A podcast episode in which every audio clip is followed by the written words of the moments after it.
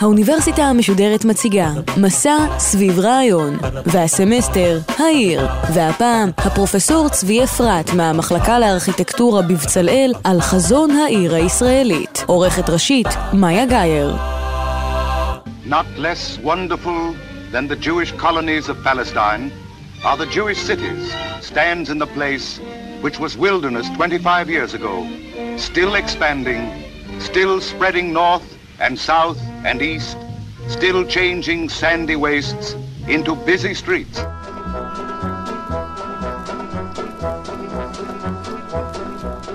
שלום לכם, אני צבי אפרת, אדריכל וחוקר אדריכלות. המחקר שלי מתמקד באספקטים האדריכליים של המפעל הציוני בכלל ושל תכנון מדינת ישראל בפרט, אני קורא לזה הפרויקט הישראלי. בימים אלה לא מיותר לציין שהמחקר שלי עושה כמובן בהקשרים האידיאולוגיים והפוליטיים של התכנון מרחבי ואורבני בישראל. היום אעסוק בשאלה של היסטוריה של העיר הישראלית. ובכן, שאלת העיר הישראלית טומנת בחובה שאלה אחרת, מעניינת, דחופה וגורלית יותר. שאלת ישראל כעיר, כמגלופוליס, כעיר מדינה. הרעיון הזה רחוק מלהיות שעשוע סמנטי מופרך. זהו תהליך המתרחש בשטח. זיכול אורבני המאחד את רצועת החוף כולה, מנהריה עד עזה. לרצף פרברי אחד העתיד להתפשט דרומה אל באר שבע ומזרחה אל ירושלים וג'נין. לשווא יוקמו חומות וגדרות, תסללו כבישים עוקפים ועוטפים בין הירדן והים, הולך ומתפתח כרגע כרך בין עשרה, חמישה עשר, עשרים מיליון תושבים. מרכזו העירוני של הכרך הזה הוא איילון סיטי, שהוא כבר קיים ומבוסס. למותר לציין שכרכים כאלה קיימים כבר בעולם, באירופה, באסיה, באמריקה, באפריקה, והם אלה שמניעים את הכלכלה הגלובלית. אנחנו מזדרזים לבקר את התפשטותו המתמדת של המרחב הישראלי הבנוי ולקונן על שיאי הצפיפות שלנו. יש רבים האומרים שאנחנו בין המדינות הצפופות בעולם. אולם אפשר שבמקרה זה אין המדובר בתרחיש בלהות, נוסח התסריט של רם קולס, האדריכל האינטלקטואל החריף ביותר בעשורים האחרונים, שסיפק תוארים קודרים של צמיחה פראית, ואורבניזציה ללא אורבניזם, כפי שהוא קורא לזה, המתחוללת בערי העולם השלישי. ייתכן שדווקא בהקשר שלנו, בהקשר הישראלי, יש מקום לאופטימיות זהירה.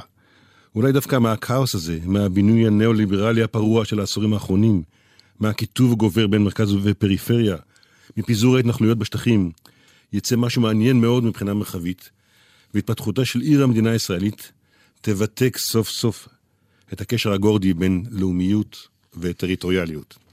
כלומר, ייתכן שתהליך האיור המהיר המתרחש כאן ישבש את אפשרות הקמתן העתידית של שתי מדינות נבדלות, בעלות גבולות גיאוגרפיים מובחנים. במקום המודל הישן של מדינת הלאום, אם כן, עשויים להתפתח כאן, מלמטה, על ידי כוחות השוק, מרחבים אזרחיים הטרוגניים, סובלניים כלפי הבדלים אתניים, דתיים ולאומיים. תארו לכם שבעתיד עשוי להיות כאן מרחב טלאים מוניציפלי, שיהיה מורכב משכונות ענק, עם מאפיינים תרבותיים ואדריכליים ייחודיים כמו בני ברק, אום אל-פחם, אריאל או קלקיליה.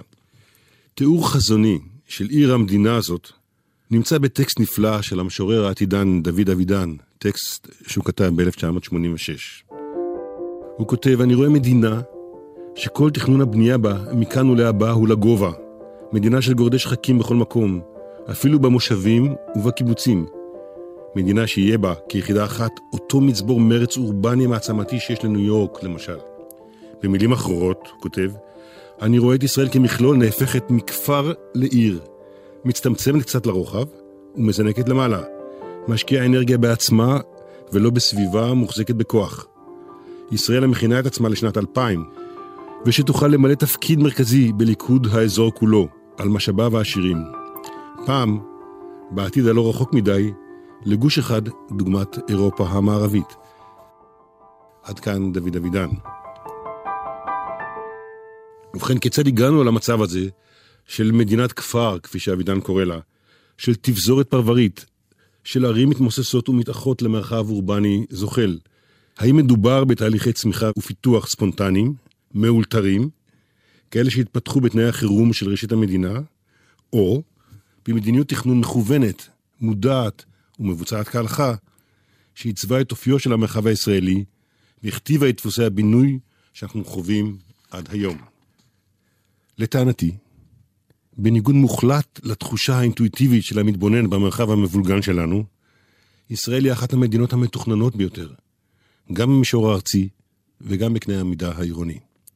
הייתי אומר שציונות פירושה תכנון מרחבי, וכך גם ישראליות.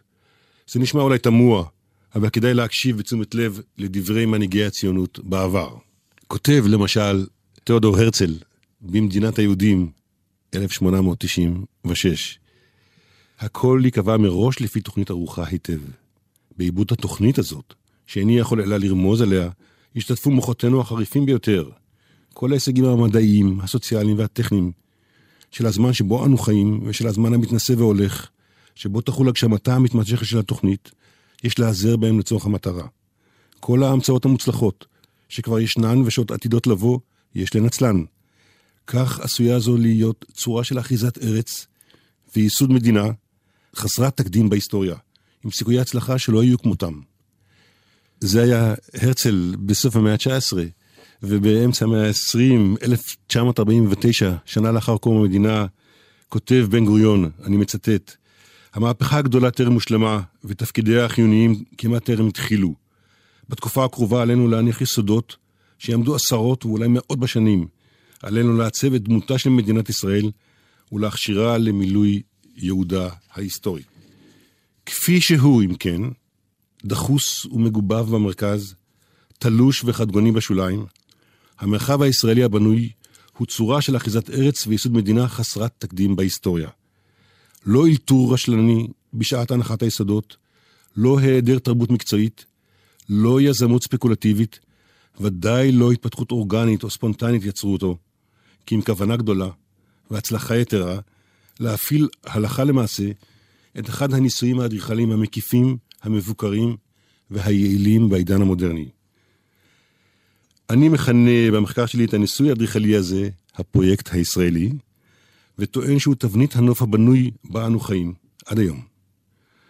לפני שאתאר אותו כאן, אני מבקש להדגיש, לצורך שיחתנו היום על העיר הישראלית, שהמאפיין הבולט ביותר של המפעל הציוני לדורותיו, עוד לפני קום המדינה, הוא האידיאולוגיה האנטי-אורבנית שלו, וניסיונו העקבי להסיט את המשקל ההתיישבותי והפוליטי מן העיר אל הכפר ומן המרכז אל הספר. ככלל, אפשר לומר שהתנועה הציונית, בחמישים שנותיה הראשונות, המציאה ופיתחה דגמים חלוציים של התיישבות חקלאית, בעלי לוגיסטיקה משוכללת של ייצור, ארגון ושיווק, אך לא דמיינה, לא תכננה ולא בנתה בפועל עיר, חוץ מאולי צריך להזכיר את עפולה שתכנן ריכרד קאופמן, וגם לה הוא קרא עיר מושב. גרוע מזה, העיר, במיוחד העיר הגדולה, תל אביב, הוצגה בתעמולה הרשמית של הציונות כאנתמה של היישוב, כגידול פרזיטי המשבש את מדיניות גאולת הקרקעות וחותר תחת יסודותיה הערכיים של החברה העברית החדשה. שימו לב למשל לחזיונו האפוקליפטי ממש של בן גוריון משנת 1935. אני מצטט עכשיו באריכות מסוימת את הטקסט הנפלא הזה. הוא כותב, יש לקח איום אחד בהיסטוריה העולמית. כל מי שלמד תולדות רומא זוכר את הפרק הדרמטי שנקרא בשם המלחמה הפונית. בלשוננו ראוי להגיד המלחמה הכנענית. היה מצביא גדול, מגזע קרוב לעברים הקדמונים.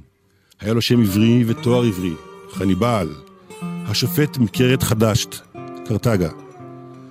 הבינוניות הרומאית ניצחה את הגאוניות הכנענית, כי קרתגה הייתה מדינת עיר, ורומא הייתה מדינת כפר, ובהיאבקות הנואשת שבין עם עיר ובין עם כפר, ניצח עם הכפר. וכל השראה המסחרי של קרתגה, וכל הגאון שגדול מצביעיה לא הועילו. גבורת חניבעל נשברה במלחמתם העקשנית של איכרי רומא. איכרים אלה לא נרתעו מהמפלות הקשות שנחלו זו אחר זו, כי היו מעורים בקרקע ומחוברים לאדמתם. והם התגברו על קרתגה ומכרו אותם על פני האדמה, מבלי להשאיר לה שריד ופליט. ואנחנו באים שוב לבנות מדינת עיר, ונשים גם פה לעם עיר, ומסביבנו עם מעורה בקרקע, ולא רק פה בארץ, אלא בכל הארצות השכנות. יש בידינו להקים מדינה עירונית גדולה, בתל אביב ובחיפה, עם מיליון תושבים ויותר, אולם סופה יהיה כסופה של קרתגה. תקראו על המצב הפנימי של קרתגה בימי חניבל, ותמצאו את דמות דיוקנה של תל אביב. אותה תרבות תלושה, אותו חוסר השורש, אותה תלות מסביבה כפרית זרה, אויבת, אותה עצמיות מדומה, הנחכה גם לאותו סוף. ותארו לכם שבן גוריון היה חי היום, מה היה אומר על התלישות התל אביבית של היום. I'm against having big cities. The big cities are not good for humanity. It's better to live in a small place. They can be more friendly. ובכן, איך בסופו של דבר התפיסה הבן גוריונית הזאת באה לידי ביטוי בשטח? שבועות ספורים בלבד לאחר הכרזת המדינה, במהלך המלחמה, וכמהלך משלים שלה, הוזמן אריה שרון, מבכירי אדריכליה של תנועת העבודה, להקים את אגף התכנון הממשלתי. הזמנה זו הולידה את תוכנית האב הארצית של מדינת ישראל, אנחנו קוראים לה תוכנית שרון, אריה שרון, ונתנה בידי ההנהגה הפוליטית מכשיר חסר תקדים בעוצמתו ליציקת תבנית נוף ממלכתית ולעיצוב המדינה העתידית על פי תורת היחסים והייחוסים של מפא"י. הנה הדברים שאומר אריה שרון כשהוא מציג את עבודת אגף התכנון. שימו לב כיצד הוא מבקר את העולם הישן, את אירופה, ואת התפתחות הערים הגדולות באירופה. אני מצטט: אומרים לנו שארצות שונות ועשירות התקיימו והצליחו במשך שנים רבות בלי מוסדות תכנון מרכזיים. על טענה זו יש לענות ולהדגיש שאולי דווקא ארצות עשירות יכולות להרשות לעצמן ניסיונות וחוסר תכנון. יחד עם זאת, יש גם להצביע על המחלות הקשות בערים הגדולות של ארצות אלו, שאין להן תרופה. ברור לנו שאנו לא נוכל לעמוד במחלות אלה. אם יגדלו אצלנו יצורים כדוגמת הערים הגדולות, על תנאיהן החמורים, לא יעמוד לשירותנו שטח לשם תיקון המצב. בריאות העם השוכן ביצורים אלה תרד עד שלא יישארו כוחות ליוזמים ליצירה ולבנייה. הבעלות החדשה על הארץ מאפשרת אם כן לעשות סדר, לארגן מחדש את המרחב, להבטיח באמצעות תכנון מרכזי את בריאותו הגופנית והנפשית של העם. העולם הישן, הכולל אגב לצורך הטיעון לא רק את אירופה, אלא גם את מדינות ההגירה של העולם החדש, אמריקה, אוסטרליה, קנדה וכדומה. העולם הזה כבר מנוון, חולה, מצמיח מפלצות אורבניות. כאן, בישראל, יש הזדמנות להתחלה חדשה. הלוח נקי לכאורה. כאן, בניגוד לשם, אין די מרחב, אין מרווח להתפתחויות בלתי מבוקרות, אין מקום לדגנרציה.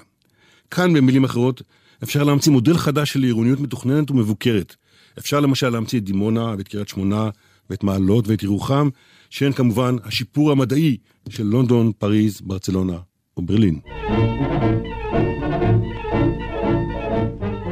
גרסה ראשונה של תוכנית שרון הוצגה כבר ב-1950.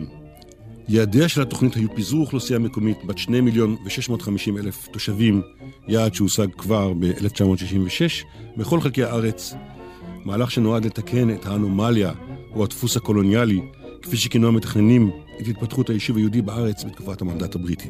הכוונה באנומליה הייתה למצב שהיה עם קום המדינה שבו שני שלישים מהיישוב היהודי התרכזו בשלוש הערים הגדולות, תל אביב, ירושלים וחיפה, ו-82% התגוררו במישור החוף. מטרת תוכנית שרון הייתה צמצום שיעור האוכלוסייה העירונית בשלוש הערים הגדולות ל-45% בלבד, והגדלת שיעור תושבי הערים החדשות, הבינוניות והקטנות, לכדי 55%. מבחינה מבנית, תוכנית שרון סרטטה מדרג היררכי המורכב מיחידה כפרית, מרכז כפרי, מרכז עירוני כפרי, עיר בינונית ועיר גדולה. יודגש כי בניגוד לרוב תנועות הרפורמה המודרניות בעולם, שמבחינה תפיסתית התקדמו מהעיר אל הפרבר ואל הכפר, המחשבה המרחבית הציונית נעה מאז ומתמיד בכיוון ההפוך, מהכפר אל העיר, וראתה בכפר את הלבנה הבסיסית, החלוצית, של בניין הארץ. פיזור אוכלוסין מבוקר, או דצנטרליזציה ריכוזית, מין פרדוקס כזה, ברוח האתוס החלוצי של גאולת הקרקע, ועל פי התפיסה האסטרטגית הגורסת שימוש ביישובים אזרחיים כעמדות צבאיות בכוח או בפועל, תפיסה אגב שפותחה כמובן לפני קום המדינה, אך תקפה למעשה עד היום, היו מטרה מקודשת שאין עליה עוררין. מטרה זו היא שהכתיבה את כל מהלכי התוכנית הארצית, גם אם עמדה לעיתים בסתירה לשיקול הדעת המקצועי, גם אם לא עמדה כלל במבחן ההיגיון הכלכלי, גם אם סתרה את הרטוריקה המתלהמת של כור ההיתוך, ויצרה בפועל סגרגציה חברתית חריפה. העלייה ההמונית הייתה הבעיה, ובה בעת פתרונה. מחד גיסא, נטיות ליבם של העולים באשר לבחירת מקום מגוריהם היו ידועות מראש, כפי שהוכיחו תחקירים יסודיים שערכו צוותי התכנון על דפוסי התמקמות של חברות מהגרים במדינות העולם החדש. מן התחקירים עלה כי גם בישראל, ללא התערבות נחרצת של השלטון, יבחר דור המהגרים הראשון להצטופף בערי החוף ויחריף עוד יותר את האנומליה המנדטורית. מאידך גיסא, אלמלא גל ההגירה האדיר, לא הייתה נקראת ההזדמנות ההיסטורית להמציא מחדש את המרחב הישראלי. אמנם, הושקע מאמץ תעמולתי ניכר בניסיון להניע תושבים ותיקים אל הפריפריה, אולם למנהיגים ולמתכננים כאחד היה ברור שרכיב האכלוס בתוכנית שרון לא יתבצע באופן וולונטרי.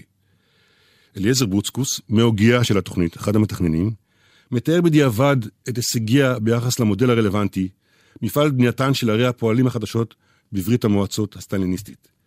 אני מצטט את uh, אליעזר ברוצקוס. לאמיתו של דבר, הוא כותב, תוצאות אלה הושגו גם אצלנו, כמו בברית המועצות, נגד רצונם החופשי של נושאי האכלוס, דהיינו העולים, בשיטת מן האונייה אל אזורי הפיתוח. אין לשכוח את העובדה הבסיסית שיצירת ערים חדשות ואכלוס האזורים המרוחקים הושגו בראש ובראשונה על ידי הכוונת העולים ובמידה זעומה על ידי משיכת הוותיקים. הפרויקט הסובייטי, יעיל ככל שהיה בבניית מאות ערי קצה חדשות ואכלוסן בכפייה, לא היה המודל היחידי שעמד לנגד עיני מתכנני הפרויקט הישראלי. פרויקט השיקום והשיכון האירופי, שהוחל בו לאחר מלחמת העולם השנייה, ובפרט בניית ערי הלוויין החדשות סביב לונדון על ידי ממשלת הלייבור הבריטית, נלמד ביסודיות על ידי שרון וצוותו. המתכנן, סר פטריק אברקרומבי, אבי הערים החדשות בבריטניה, ומי שאחראי על התוכנית שנקראת uh, The Greater London Plan, אף הוזמן לייעץ בארץ ונפגש עם בן גוריון ועם צוות המתכננים הישראלי, ואפילו כתב דוח על תוכנית שרון. במעבדה הישראלית, אם כן, נוצרה החלאה מחושבת של עיר גנים פרברית במדינת רווחה מערבית, עם עיר תעשייתית פריפריאלית סובייטית. בזיווג זה מגולמים שני הפרדוקסים המכוננים של תוכנית שרון. המצאת מכניזם ריכוזי וכמו מדעי להתפרסות אורגנית, רגionalistic, כמו היסטורית, ויצירת אורבניזציה אנטי-אורבנית, או במילים אחרות, כמה שיותר ערים, כמה שפחות עירוניות. זהו לב העניין. מבלי להבין את העיקרון הזה, אי אפשר כלל להבין את המרחב הישראלי. לצורך מימוש הערכים הללו, חולקה הארץ מחדש ל-24 נפות וחבלים, שמספר תושביהם זהה פחות או יותר. גבולות החבלים נקבעו על פי אפיונים גיאוגרפיים, והם תוכננו כמערך יישובים חקלאיים, המקובצים סביב עיר מחוז או מרכז כפרי, המספקים להם את השירותים הנחוצים. נתונים כמו שטח, גודל אוכלוסין או שיעורי תעסוקה נתפסו כקריטריונים רציונליים, מקצועיים גריידא, להשגת היחסים הרצויים בין מרכז ופריפריה, עיר וכפר, תעשייה וחקלאות. למעלה מ-400 יישובים חקלאיים נבנו בעשור הראשון למדינה, בהתאם לקווים המנחים של התוכנית. אולם פאר יצירתה הייתה עיר המחוז, היא עיירת הפיתוח, שגודלה האופטימלי היה נושא לוויכוחים ממושכים בין המתכננים. בסופו של דבר, הוכרע הפולמוס לטובת המצדדים במודל העיירה האינטימית, המונה 20 עד 30 אלף תושבים, והפטורה, כך הם סברו, מהניכור ומשאר תופעות הלוואי השליליות הנגזרות מן החיים בכרך. השניות הזאת של פיזור אוכלוסין במרחב, לצד עולם ישן חלוצי, המאפיינת את תוכנית שרון, טבועה לא רק בתפזורת הערים והיישובים על פני המפה, אלא גם בניסיון לבנות את הערים עצמן, בהתבסס על החלאה מושגית בין תפיסות תכנון מודרניסטיות, מכניסטיות, שתכליתן ייעול העיר המסורתית והכשרתה למגורים המוניים ולתנועה מוטורית מהירה, לבין תפיסות הרבה יותר רומנטיות, ציוריות, לא פורמליות, השואפות למתן את צביונה העירוני של העיר באמצעות פירוקה לקהילות קטנות ואוטונומיות, הנטועות בסביבה פסטורלית ומוגנות מחיי הרחוב ומן המגזרים היצרניים של העיר. המתכננים האמינו כי באמצעות לימוד ביקורתי של ההיסטוריה האורבנית, הם הצליחו לפתח שיטה חדשנית לתכנון ערים אידיאליות, לא פחות, כפי שאפשר להבין מדבריו הבוטחים של אריה שרון, אני מצטט אותו שוב. מבנה הערים החדשות, הוא כותב, נקבע על ידי חלוקתן ליחידות שכנות. שיטה זו נבדלת משיטות בניין ערים שמרניות, הנהוגות עדיין בערים הישנות באירופה וגם בארץ. ערים אלה בנויות ברציפות מונוטונית של בתים, רחובות ושכונות דיור, המתמשכות ללא קץ ועושות את חיי תושביהן לזרה. יחידות השכנות זה מושג מאוד מרכזי בהבנת הערים החדשות הישראליות. זה בעצם הרעיון המבני המרכזי שעומד ביסוד כל הערים החדשות הישראליות, רעיון שמיובא באופן מאוד ליטרלי מתכנון ערי הגנים אה, האנגליות שלאחר מלחמת העולם השנייה. כל יחידת שכנות כזאת היא מודול אוטונומי המתוכנן להכיל מגוון מצומצם של טיפוסי דירות ולקיים את עצמו מבחינת שירותי מסחר, חינוך ופנאי. עיר למעשה היא אשכול של יחידות שכנות, המאוגד סביב המרכז האזרחי, המכיל את מוסדות השלטון המוניציפלי. העיר מתפתחת באמצעות הוספת יחידות מודולריות לאשכול, וכך שומרת על אופייה השכונתי. גודלה של כל יחידה נקבע על פי פרמטרים כגון הקיבולת המשוערת של בתי הספר וגני הילדים, מידותיו המרביות של המרכז המסחרי, ואורכם הרצוי של השבילים בשכונה. המטרה הייתה למנוע תנועת כלי רכב בתוך השכונה ולאפשר לתושבים גישה רגלית, ללא חציית כבישים, אל כל השירותים החיוניים שהאזרח נזקק להם בחיי היום-יום, בטווח הליכה שאינו עולה על 250 מטר. קווי המתאר הציוריים האמורפיים, שאינם מבוססים על זוויות ישרות של יחידות השכנות, שפע המרחבים הפתוחים שבהן, מיקומם של מוסדות החינוך והפנאי בליבן, בסמוך לגנים ציבוריים, מיקום אזורי התעשייה המתוכננים מחוץ לערים, על מנת שיהיו נגישים אל רשת התחבורה הארצית, והפרדתם בחגורה ירוקה, כל אלה מקרינים מחר חדש, בטוח ובריא יותר.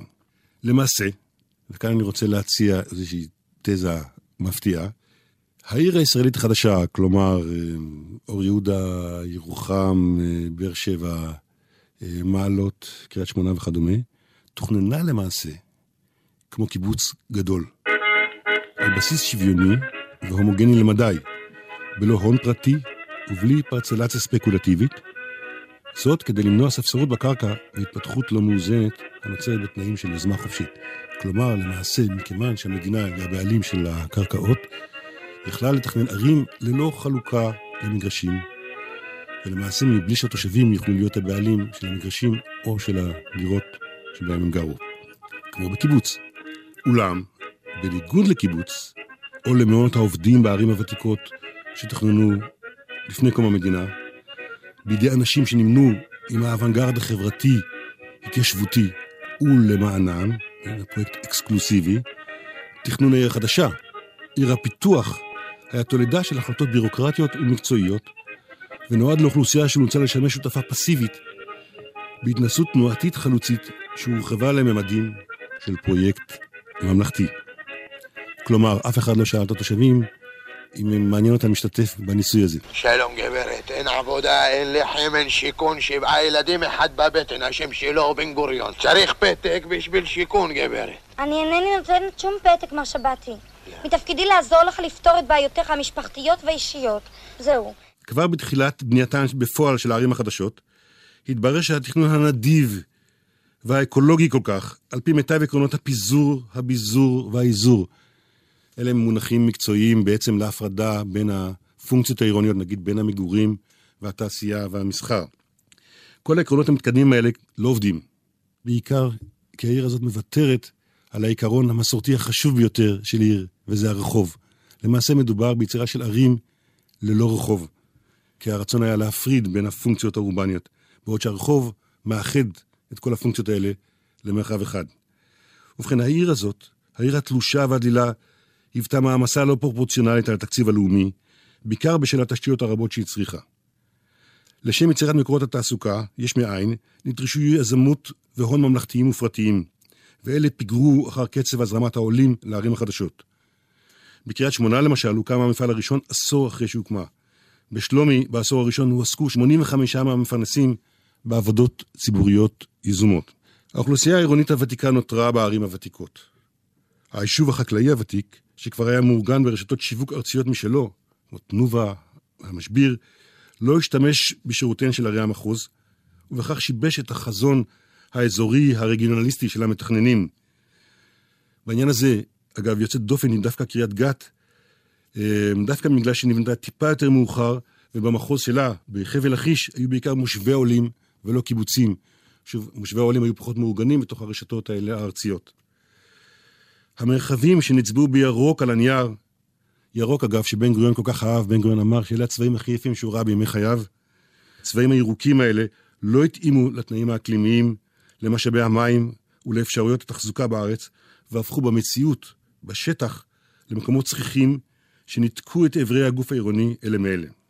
הפרדת התנועה הממונעת מתנועת הולכי הרגל והתכנון המתחמי, המופנה תמיד כלפי פנים ולא כלפי חוץ, של יחידות השכנות, מנעו את התפתחותם של חיי רחוב.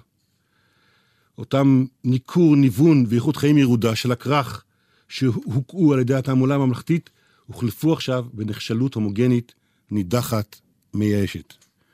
חזונם המלהיב של המתכננים התחלף בביקורת מקצועית נוקבת. בדיון רטרוספקטיבי על תכנון הערים החדשות, אומר האדריכל יצחק ישר, אני מצטט: היה עולם תעשייתי, היו ערים עצומות, שם הלכו וחיפשו את הפיזור. מרכזה של לונדון, שאי אפשר להיכנס אליו, שאי אפשר לצאת ממנו, שתחבורה והרעש עצומים, שאין שמש וירק, שם נולד הרעיון. אותו רעיון, לא רק במובן האיכותי שלו, אלא במובן הכמותי שלו, במובן הצורתי שלו, הוא עבר לבאר שבע. ובאר שבע, שבה אתה מחפש תנועה, מחפש התגודדות חברתית, שם, בתוך המדבר, פתרת את הבעיה של לונדון. אבל ברור שמה שטוב לעשות כשיש לך חמישה או שמונה או עשרה מיליון אנשים, הוא היום, כשיש לך עשרת אלפים במדבר. סוף ציטוט.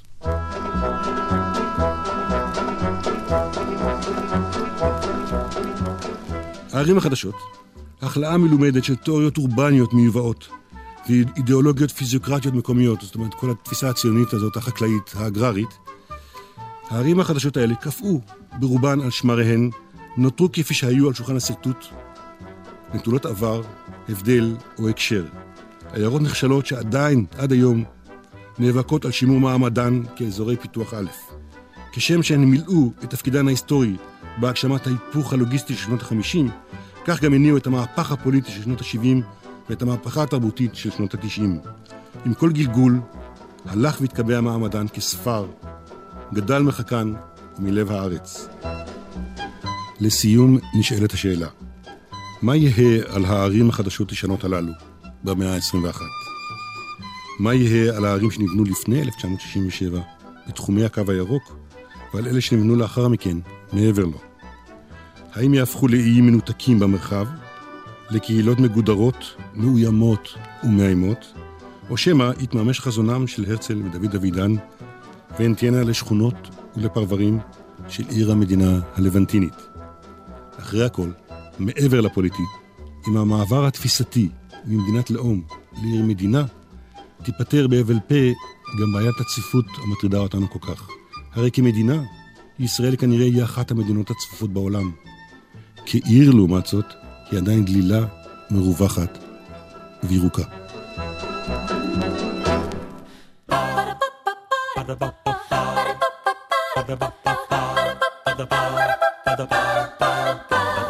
האוניברסיטה המשודרת, מסע סביב רעיון, הפרופסור צבי אפרת מהמחלקה לארכיטקטורה בבצלאל על חזון העיר הישראלית. עורכת ראשית, מאיה גאייר. עורכות ומפיקות, אחינועם קפון ונעמי שלו. מפיקה ראשית, אביגיל קוש. מנהלת תוכן, מאיה להט קרמן. עורך הדיגיטל, עירד עצמון שמייר. האוניברסיטה המשודרת, בכל זמן שתרצו, באתר וביישומון של גל"צ, וגם בדף הפייסבוק של האוניברסיטה המשודרת.